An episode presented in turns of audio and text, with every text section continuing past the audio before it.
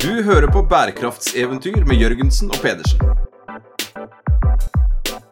Bli med på eventyrlig jakt på bærekraftig business.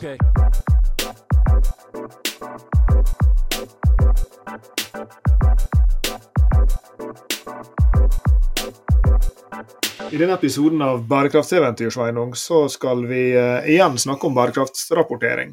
Skjønt vi har vel aldri egentlig direkte via en episode til bærekraftsrapportering, men vi har jo vært innom det på veldig mange ulike måter i samtalene våre om vesentlighet og, og mye annet.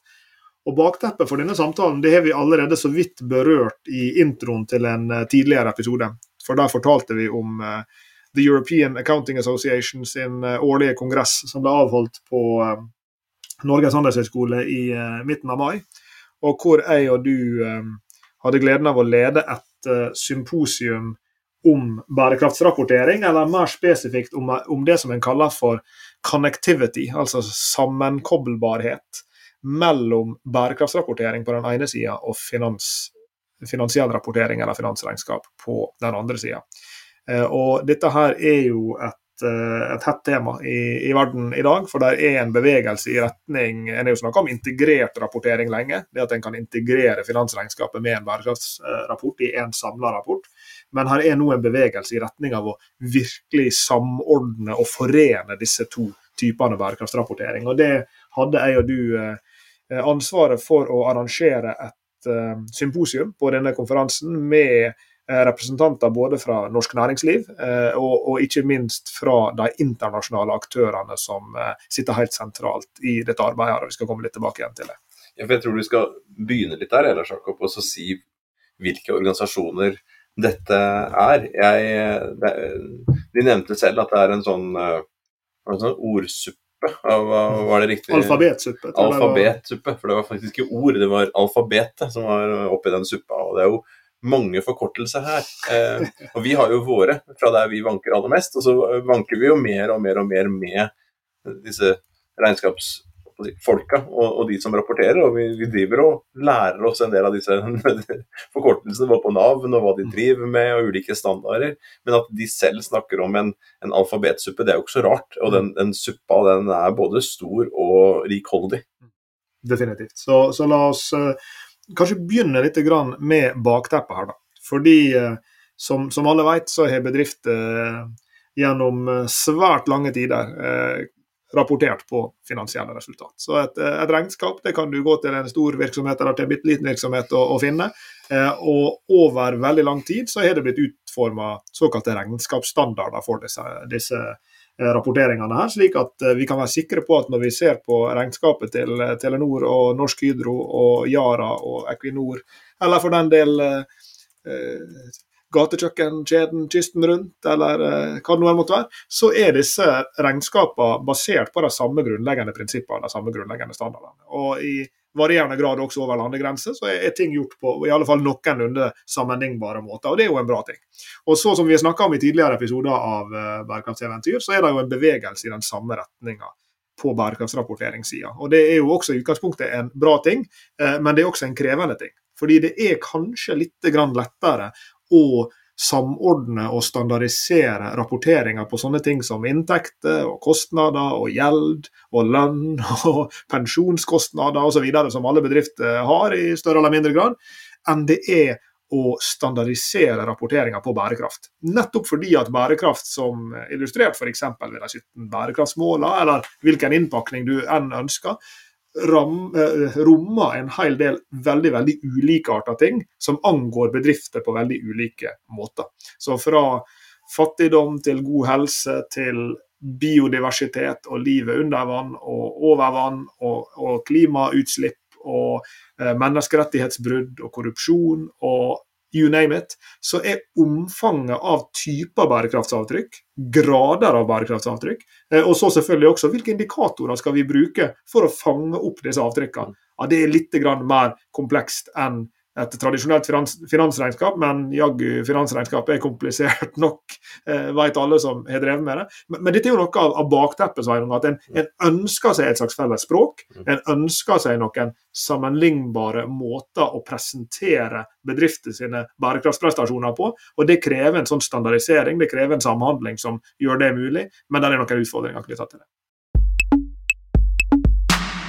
Og vi tar jo regnskap for gitt. ikke sant? Vi tenker på det at uh, debet og kreditt og en balanse og en oversikt over omløpsmidler i virksomheten, resultat, uh, begreper som skal ikke ha studert mye bedriftsøkonomi, sånn egenkapital, rentabilitet. altså sånn, Det går an å beregne, det går an å sammenligne over tid i samme virksomhet. Det går an å, å sammenligne disse tallene på, på, tvers av bedrifter i samme eh, virksomhet. Og det går an å sammenligne disse tallene på, på tvers av, av, virksomheter, også på tvers av land. ikke sant? Og Det er liksom 500 år siden en, en, en klok munk da, nede i Italia som, eh, som beskrev liksom, prinsippene for det dobbelte bokholderi debet og kreditt. Altså, dette, er jo, jo bygd opp over, over hundrevis av år, eh, sånn at man i dag da har felles begreper, man har en felles forståelse. Og Det er vel en sånn våt ønskedrøm for mange i deler av bærekraftsfeltet at vi skulle hatt den samme eh, strigente språket, rammeverket, også for bedrifter. Så vet jo vi da, som jobber så tett med bedrifter som vi gjør, i ulike bransjer, ulike land, som er på ulike steder, ja, at det er jaggu forskjeller mellom dem. Eh, så kokes det ned til noen sånne kall det enkle ting, da, som eh, klimagasser f.eks. Det er jo noe som man måtte, kan standardisere, måle, veie og se på. Eh, jeg har jo selv hatt besøk av Anja Bakken Riise, som hadde egentlig ønska å skrive om sitt bærekraftsregnskap, mer bredt, men som endte med boka 'Mitt klimaregnskap'.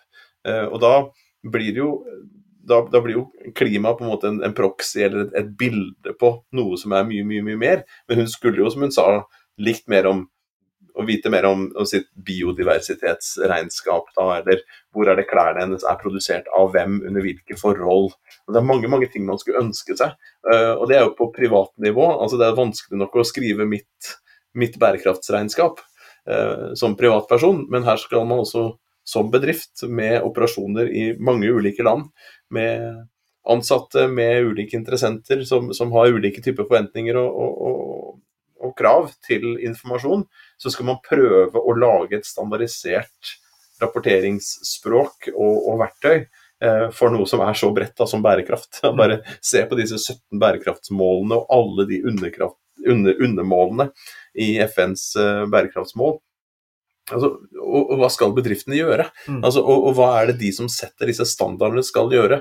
Blir det sånn type tilnærminger? Så at vi har en, blir det da koker det ned til en, en, tilnærming? Ja, vi kan si litt om klimaavtrykket. Skal vi holde oss på det, eller skal vi gå inn i alle de andre viktige eh, problemområdene og, og, si noe om, eh, om, hvordan bedriften påvirker dem? Og i det arbeidet, der er jo alfabetsuppen. For da, da kommer jo disse ulike organisasjonene, disse ulike målene, disse ulike standardene. Eh, og, og, og, i mellomtiden så blir bare bærekraftsrapportene lenger og lenger og lenger.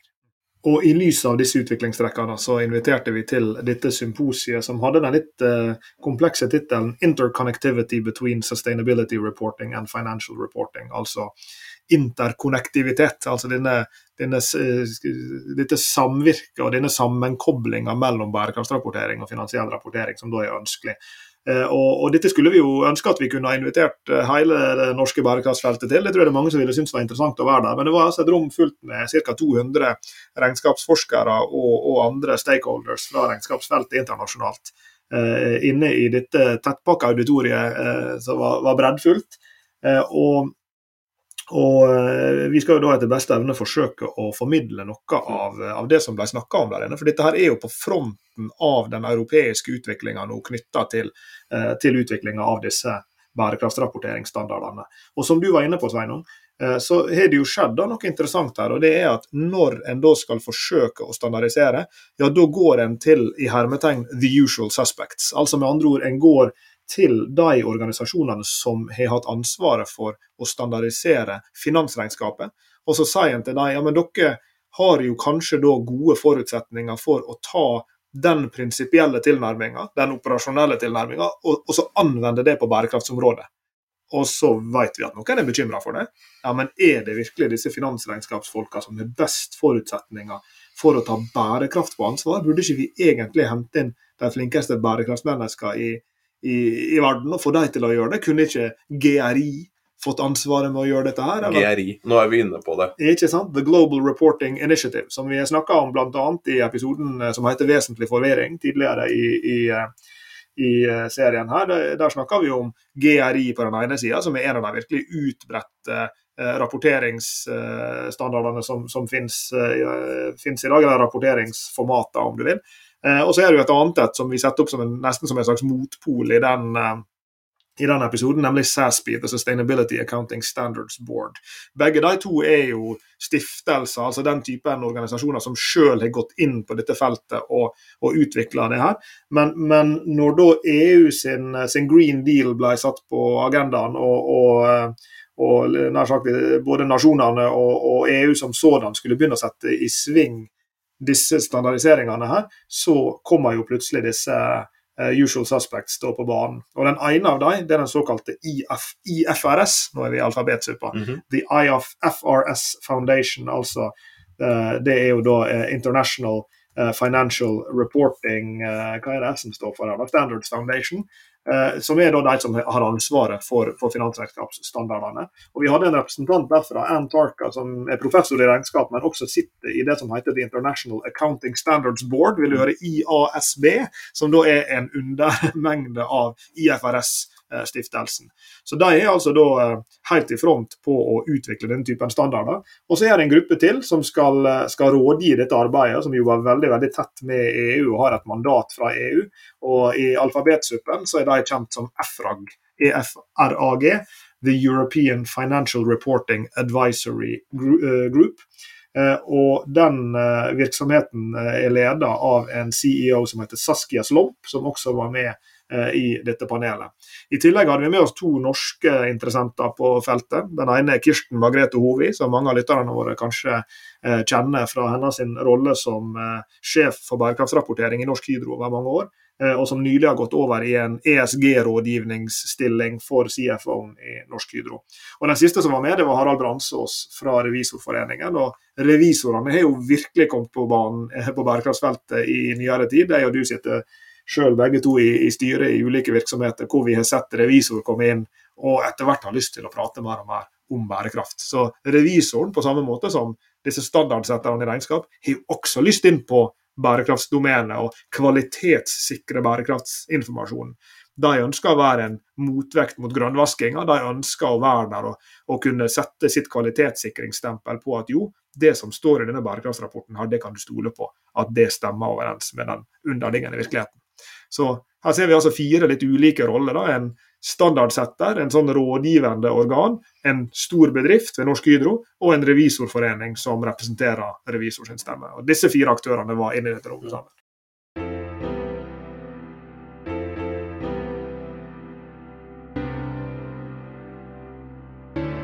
Du, du nevnte med, med GRI, som, som, ikke var der. Um, og du sa også hvorfor ble ikke GRI spurt? Eh? De kunne jo gjort en sånn type jobb. Hvis du skulle kort forklart uh, GRI, deres funksjon i, i dette samarbeidet eller ikke-samarbeidet, hvordan ville du beskrevet den? Ja, så Det er et veldig godt spørsmål. for her i alle sånne prosesser som dette, så vil det jo være Nå kjenner jeg ikke det indre livet i disse prosessene, her, men, men, det vil jo alltid være en slags form for maktkamp om definisjonsmakten. ikke sant? Og, jeg vil tro, og dette, Her har jeg ingen uh, informasjon uh, i, det hele tatt uh, om, om, hvordan GRI stiller seg til, til denne situasjonen. men at de vil tenke at de kunne ha gjort en jobb her, det, det vil jeg nok det vil jeg nok tro. Og, vi vet jo at de samarbeider bl.a. Med, med IFRS Foundation på å forsøke å få disse rapporteringsformene til å, å snakke med hverandre. Og, og, i denne tidligere episoden vi hadde eh, om, om, vesentlig forvirring, og ikke minst den oppdaterte versjonen fra i fjor, som hvis jeg husker rett, så heter den episoden 'Fortsatt vesentlig forvirring?' spørsmålstegn, eh, så fortalte vi jo om eh, hvordan både da GRI og Sæsby, som har vært litt sånn motpoler, nå har kommet med en sånn statement of intent til å, til å jobbe sammen for å harmonisere sine, eh, sine standarder. Eh, og I tillegg så er det jo flere aktører som har slått, slått, seg sammen til det som heter The Value Reporting Foundation, som også samarbeider med, med IFRS. og Der er jo da SASPI gått inn i denne stiftelsen, og også den gamle sånn integrert rapporteringsstiftelsen. Jeg lurer på om de heter noe sånt som The International Institute Nei, The International Integrated Reporting Council, lurer jeg på om det heter IIRC. Eh, de har nå slått seg sammen til en sånn stiftelse. Så her er jo bevegelse i mm. feltet her nå med aktører som posisjonerer seg for å få en stemme i denne, i denne overgangen. der. For det er klart at I det øyeblikket det kommer obligatoriske standarder som bedriftene må forholde seg til, ja, da er jo the chips are down. Mm. Da, er, da er kortene spilt ut. Mm.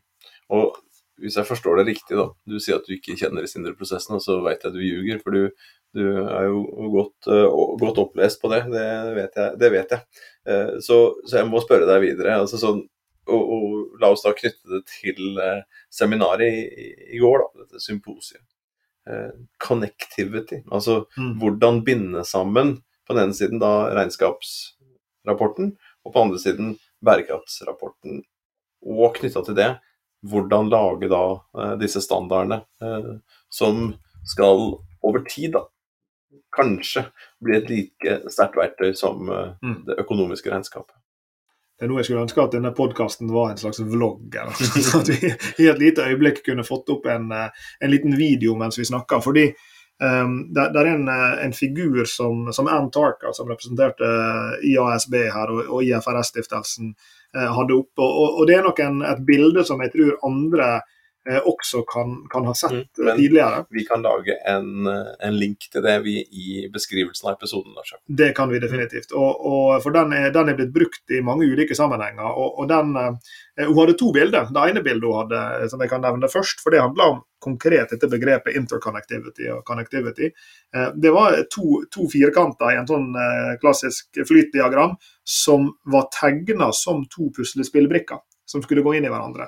Der den ene heter Financial Statements, altså med andre ord det klassiske finansregnskapet, og den andre heter Sustainability Disclosures, altså all kall rapportering på bærekraftsavtrykk. Og, og dette har vi jo snakka om før, Sveinung. Eh, eh, denne bevegelsen i retning av at i det øyeblikket eh, bærekraft blir finansielt vesentlig, mm. som vi har snakka mye om, ja, da blir det et spørsmål om ikke egentlig bærekraft burde komme inn i finansregnskapet også. Mm. Fordi at Hvis det er slik at Sveinung Jørgensen AS er, har en tikkende eh, klimabombe i seg. da. La oss si at Sveinung Jørgensen AS har et gigantisk CO2-avtrykk, og dere har investert i AS Hvorfor bruker du alltid meg som eksempel?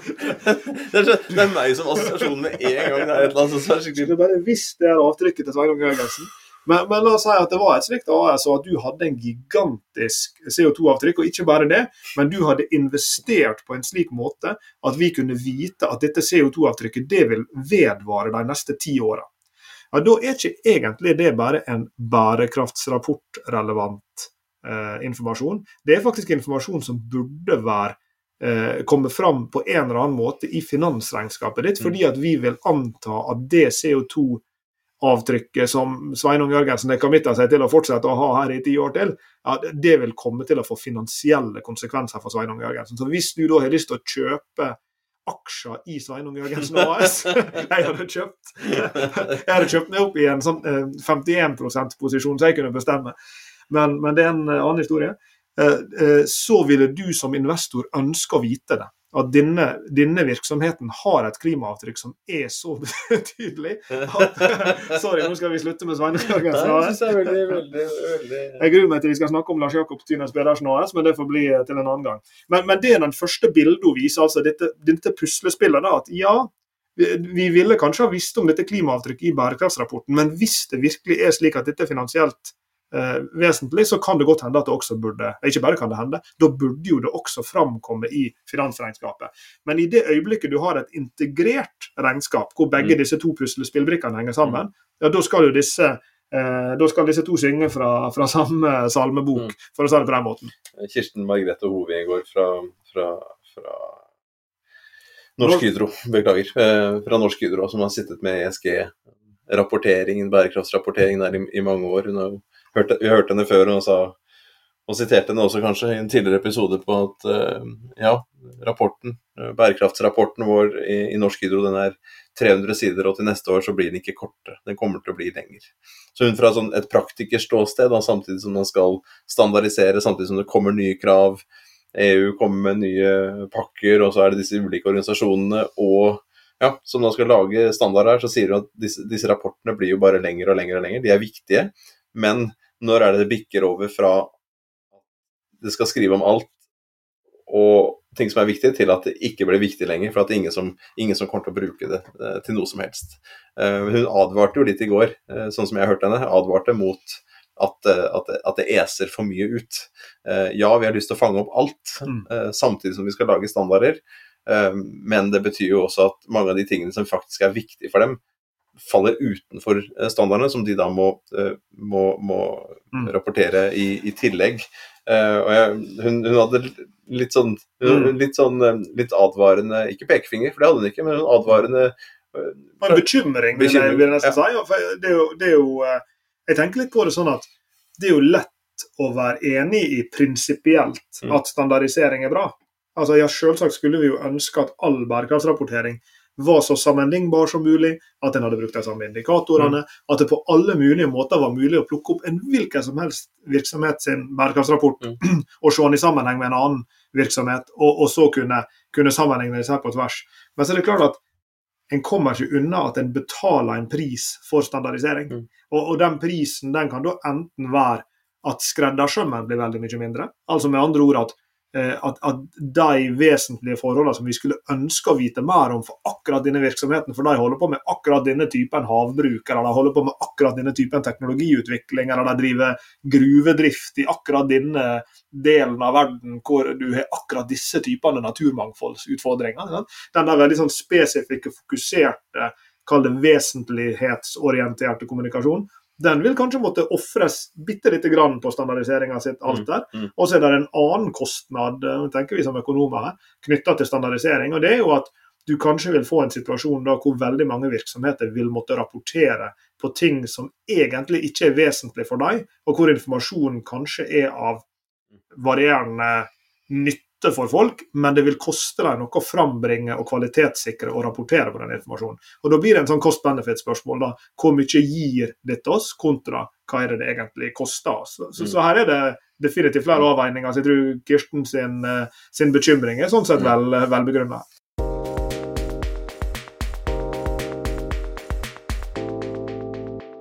vi hadde en spennende diskusjon etter, etter seminaret, og måtte det dessverre ta slutt, selv om eh, var mange hender igjen. I, ja, for her er det mange spørsmål. Eh, fra Her sitter jo forskere, og det satt uh, praktikere der også, som har mange spørsmål om både nåsituasjonen og, og fremover. Hvilke følger får det, hvordan burde dette systemet eh, legges opp, og ikke minst så kommer det jo spørsmål om er dette godt nok.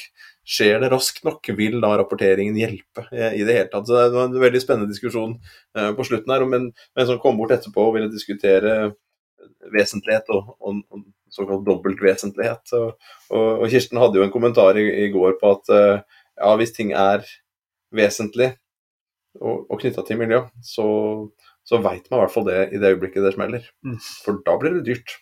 Altså sånn, da vil det ha en effekt. Um, så det er veldig veldig tett koblet uh, sammen. Vi kunne sikkert hatt enda en episode av bærekraftseventyr Jakob, hvor vi hadde kjørt vesentlig, vesentlig, vesentlig forvirring. Vi kunne fortsatt og fortsatt og fortsatt rundt det. Uh, for dette her er jo en del av dette som skal standardiseres. Da. Hva er vesentlig å rapportere til uh, ulike interessenter fra investorene, som man ofte henvender seg til. Men når vi går over til bærekraftsrapporten, så vet vi også at den henvender seg til veldig mange andre interessenter, uh, også i tillegg til investorene.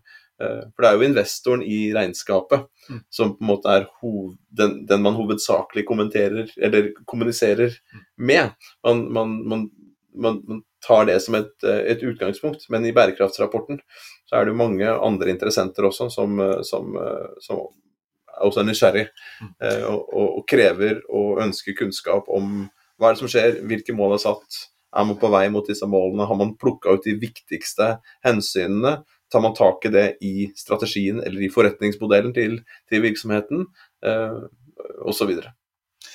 og her, jeg vet ikke om du mente det, men her eh, leder du oss tilbake igjen til det som vi egentlig snakka om.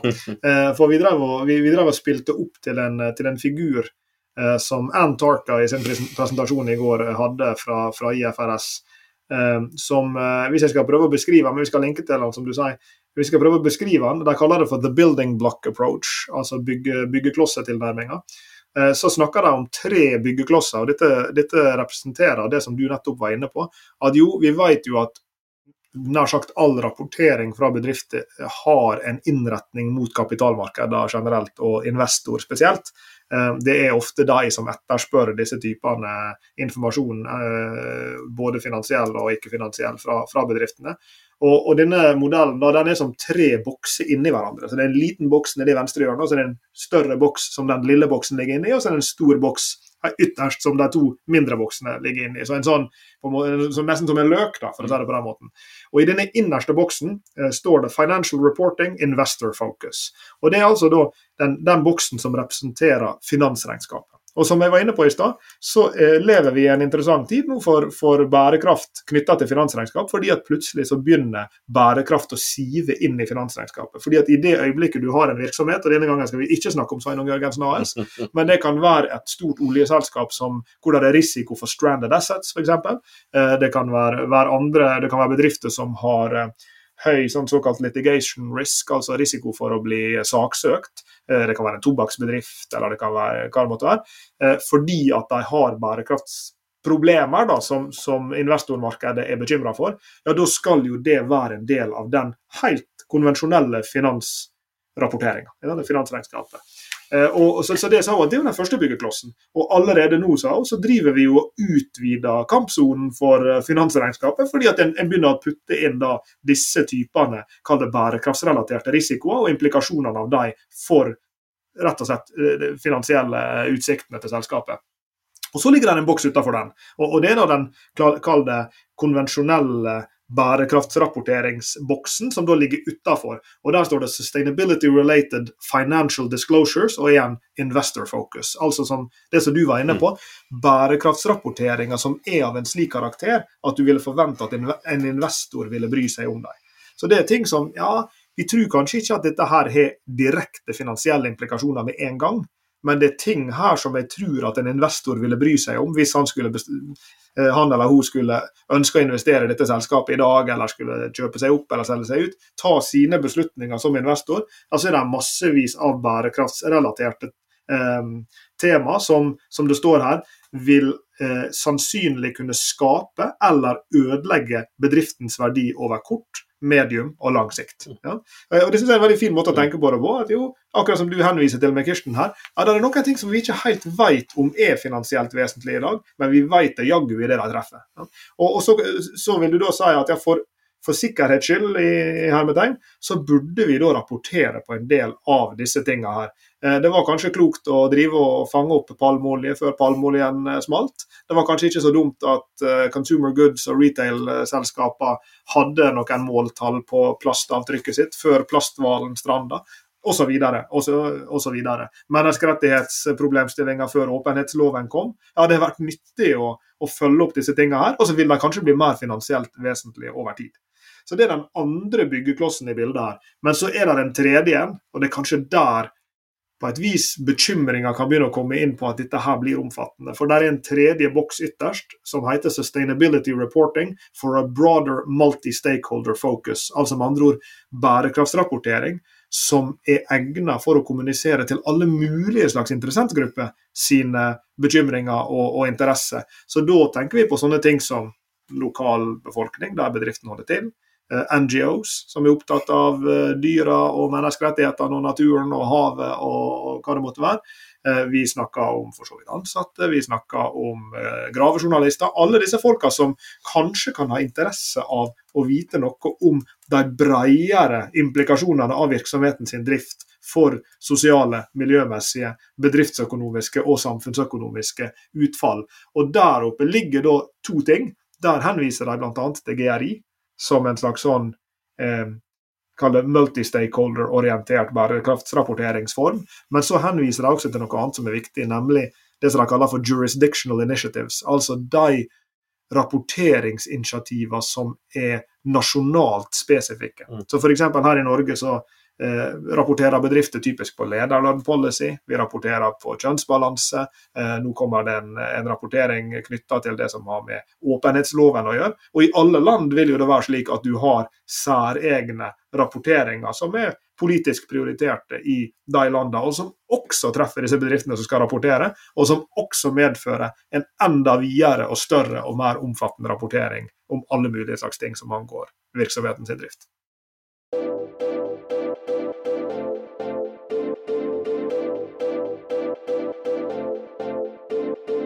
300 sider var rapporten på nå. Og når, du, når jeg hører på deg prate nå, så hvor lang skal den være? Mm. Eh, er det mulig å standardisere det?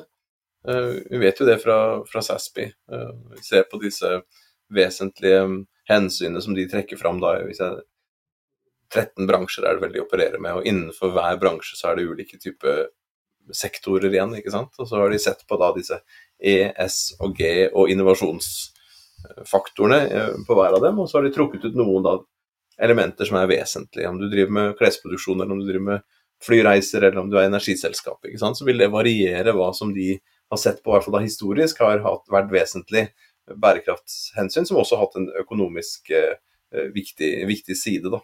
Eh, og selv da så ser vi liksom at, det, at, det, at det, blir sånn Se på dette kartet, og, og hvor er det, hvor, hvor er det måte varmekartet på de ulike mm. bransjene? Mm. Så, så, er det varmt og kaldt litt, litt eh, på forskjellige steder.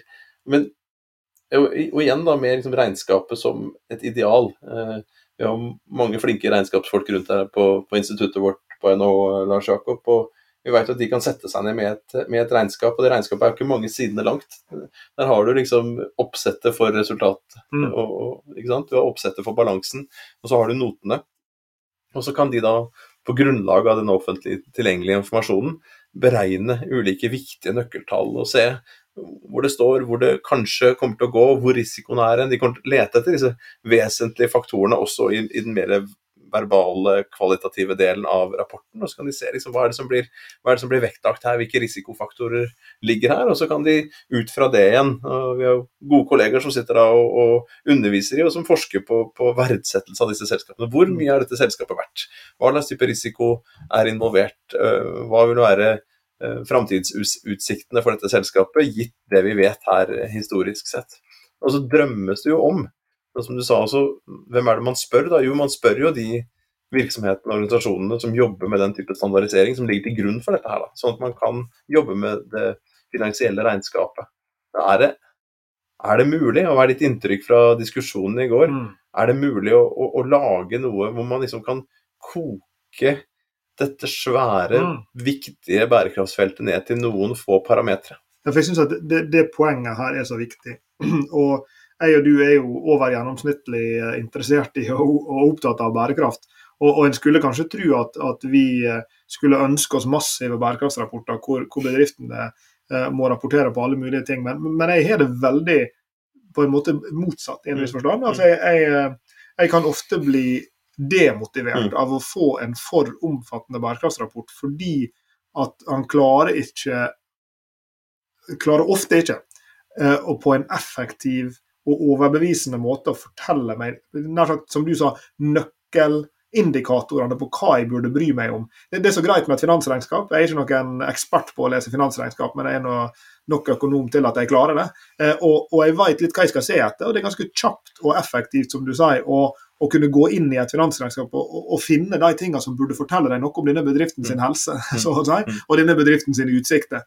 Eh, og Det som bekymrer meg med liksom pålessinga på bærekraftsfeltet på, på rapporteringssida, det er at det til slutt blir umulig å, å, å skille mellom snørr og bart på, mm. på, i disse rapportene, og virkelig få liksom, det overordna inntrykket av ja, hvordan står det egentlig til med status, med framdrift, forbedringer og, og nær sagt retning og fart i bærekraftsarbeidet til denne virksomheten, og i hvilken grad klarer de å, å gjøre det på måter som er forenlig med det som finansregnskapet forteller oss noe om. For det er jo det du ønsker å vite. Kan jeg stole på A, og det er viktigst fra et bærekraftsperspektiv, at denne virksomheten faktisk tar tak i de vesentlige forholdene og forbedrer seg på dem?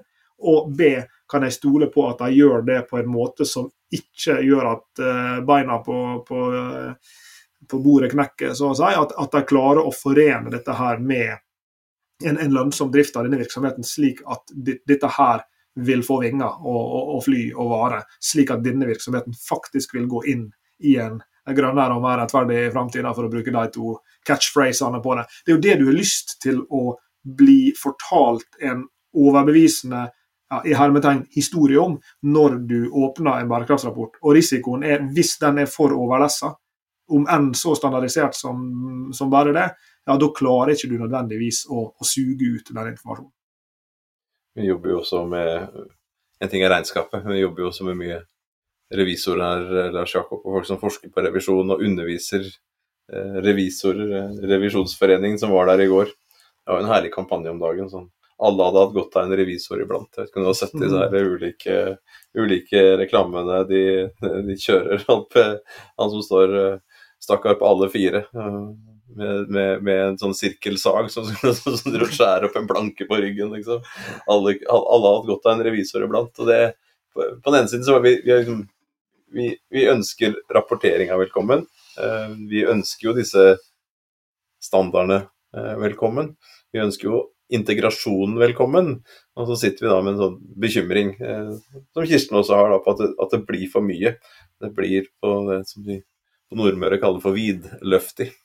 Ja, men altså Det blir for vidløftig. Det blir altså for mye å gape over at man til slutt ikke, ikke i det hele tatt gidder å, å, å åpne den. Uh, og at det blir så mye tom, tom rapportering som, som, ingen bruker. Uh, men hvordan skal man gå fram, da? Hva, hva tenker du? Hvordan, og, og, og, litt inntrykket fra, fra, fra seminaret, symposiet i går. Er det, er det en grunn til optimisme her, på at man skal klare å knytte disse sammen. altså Lage denne connectivityen som du snakket om. Jeg tror faktisk det, altså, fordi hvis, hvis, skal, eh, hvis, hvis, vi skal snakke mot oss sjøl fra, fra, det vi sa i stad, eh, så er det kanskje en grunn til at det er akkurat disse virksomhetene her, eller disse, disse institusjonene her, eh, IASB da, IFRS og, og FRAG, som har, har blitt gitt jobben og, og fått tilliten med å jobbe med dette. fordi de er jo vant til å tenke i cost-benefit-termer. Altså Regnskapsreglene er jo nettopp laga ut fra en idé om at vi må ha en effektiv, eh, og både effektiv og kostnadseffektiv rapporteringsform som gjør det mulig for bedrifter å forholde seg til reglene, gjør det mulig å å, og framstille disse rapportene på en sånn måte som, som, som skal til. Eh, samtidig som at det gir nok informasjon, ja, men også riktig informasjon og brukbar informasjon for eh, de, spesielt investorene, men også andre som, som måtte ønske å, å, å, lese disse typene rapporter. Og jeg tror jo at vi vil bevege oss inn i en sånn fase hvor hvor en må ta noen tøffe valg, da, mm. og hvor disse folka kanskje er rusta til å ta de valgene. Jeg, jeg, velger i alle fall å være optimistisk på det. Og Hvis vi da skal, eh, skal henstille spesielt interesserte lyttere mm. til å, til å, bidra til det arbeidet, eh, så kan dere gå inn på FRAG sine nettsider. Det er efrag.org. efrag.org. Eh, og, og De har da lagt ut det som de kaller for en public consultation for første utkastet til, eh, til disse standardene. Eh, og Der har de for det første lagt ut en, en kort sånn cover note med liksom, eh, kort beskrivelsen av hvordan de tror det vil se ut. Der, for de som er nødt til å lese mye, så ligger det hele seks appendix til dette. Dette er jo grundige regnskapsfolk. Men i tillegg til det så er det en survey hvor de ønsker tilbakemelding fra alle interesserte parter på for det første relevansen for eh, disse standardene. Ser dette her ut til å treffe? Eh, hvordan tenke prioritering og, og, innfasing av disse standardene i, i praksis? Eh, og så om det er tilstrekkelig informasjon som vil gis i de standardene som, som, er, som, er, som er, her. Altså er dette her komplett nok, eller er det noe som mangler? Så, så jeg, nær sagt, i, som I en tidligere episode så argumenterte vi for at vi må prate mer om bærekraft. Og vi må også prate mer om bærekraftsrapportering. og Det er jo det de oppfordrer til her. Mm. Ja, Hvis du blir bekymra, enten du er en forsker på Center for Sustainable Business eller en som er ansvaret for bærekraftsrapportering i en uh, stor norsk virksomhet, eller du bare er en person som er interessert i dette feltet her og, og har lyst til å, å, være med i samtalen, så, så inviterer de altså til det. Og, og, der vil det nok være en, en dragkamp mellom de som ønsker at det skal være mer, de som ønsker at det skal være mindre, de som ønsker at det skal være hyperstandardisert, de som ønsker mer fleksibilitet, de som ønsker at det skal være mest på miljø, de som ønsker at det skal være masse på, på samfunn, osv. osv. Og dette blir jo veldig spennende for deg. Da syns jeg du svarer uh, godt for deg, Lars Jakob. Takk for, takk for frampeket.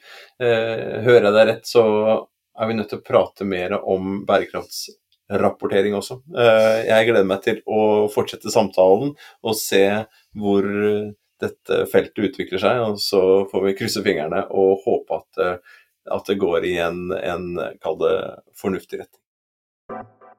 Du har hørt på Bærekraftseventyr med Jørgensen og Pedersen.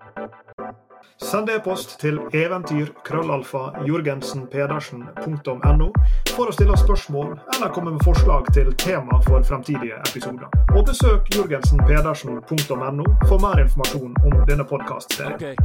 Derfra kan du også fortsette samtalen med oss i sosiale medier på Twitter, Facebook, LinkedIn, YouTube og andre steder.